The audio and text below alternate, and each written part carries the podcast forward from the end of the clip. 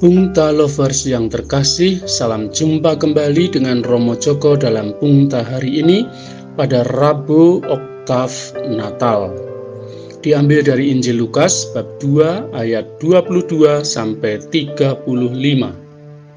Renungan kita berjudul Siap Menghadapi Kematian.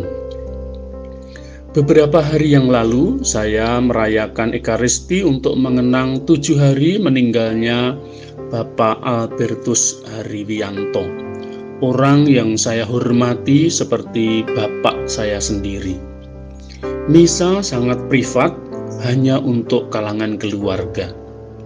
Saat itu, Ibu Hari berkisah bagaimana kasih Bapak sangat terasa di hari-hari terakhir kehidupannya Bapak sudah cukup lama sakit syaraf di punggungnya. Namun, rasa sakit itu tidak pernah dikeluhkan. Ia berusaha menanggungnya sendiri dan tidak ingin merepotkan siapa pun. Semua urusan pribadi dilakukan sendiri tanpa bantuan orang lain. Dia tidak ingin menyusahkan istri dan anak-anaknya. Ternyata Pak Hari sudah menyiapkan waktu untuk menghadap Tuhan. Hal ini diketahui oleh Suster Agatha, anaknya, yang mau mencari geblaknya atau hari peringatan arwah menurut kalender Jawa. Dia membuka buku kumpulan doa arwah dan di halaman belakang itu ada hitungan geblak atau hari peringatan. Dia heran ada tanda lingkaran pada hari Kamis Legi. Dia kemudian mencocokkan hari saat bapaknya meninggal, dan ternyata persis harinya adalah Kamis Legi. Dia bertanya, siapa yang membuat lingkaran di buku itu? Seluruh keluarga tidak merasa menulis di buku itu. Dia diam tak bisa berujar sekecap pun.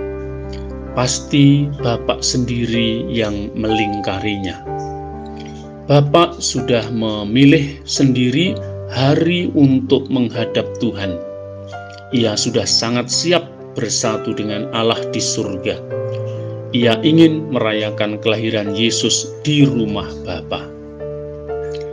Pungta lovers yang terkasih, Ketika Yesus dipersembahkan di bait suci di Yerusalem, Simeon menyambutnya. Simeon adalah seorang yang saleh lagi benar hidupnya. Ia menantikan penghiburan bagi Israel.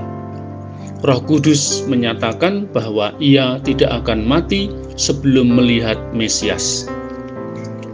Ketika anak itu dibawa ibunya, ia menyambut Yesus dan menatangnya sambil memuji Allah. Sekarang Tuhan, biarkanlah hambamu ini pergi dalam damai sejahtera sesuai dengan firman-Mu, sebab mataku telah melihat keselamatan yang daripadamu. Simeon sudah melihat Sang Mesias, maka ia merasa damai dan siap untuk mati. Keselamatan yang dijanjikan Tuhan telah datang. Ia siap pergi dalam damai sejahtera Simeon telah melihat terang yang datang dari Tuhan, yaitu Yesus Kristus yang telah lahir. Bagi orang percaya, segala waktu adalah kesempatan untuk bersyukur. Baik hidup maupun mati adalah saat untuk memuji Tuhan. Seperti Simeon, setiap saat adalah waktu penantian akan penyelamatan Tuhan. Urip kuwi kudu urup sebab urip kuwi ibarate kaya wong mampir ngombe. Hidup itu harus terus bernyala, menjadi terang bagi sekitarnya, karena hidup itu hanya sementara, ibaratnya seperti orang minum seteguk air saja. Apa yang bisa kita buat bagi kebahagiaan sesama selagi kita menyiapkan diri menyambut saat kematian kita nanti? Jadilah cahaya supaya kita bisa menerangi kegelapan sekitarnya.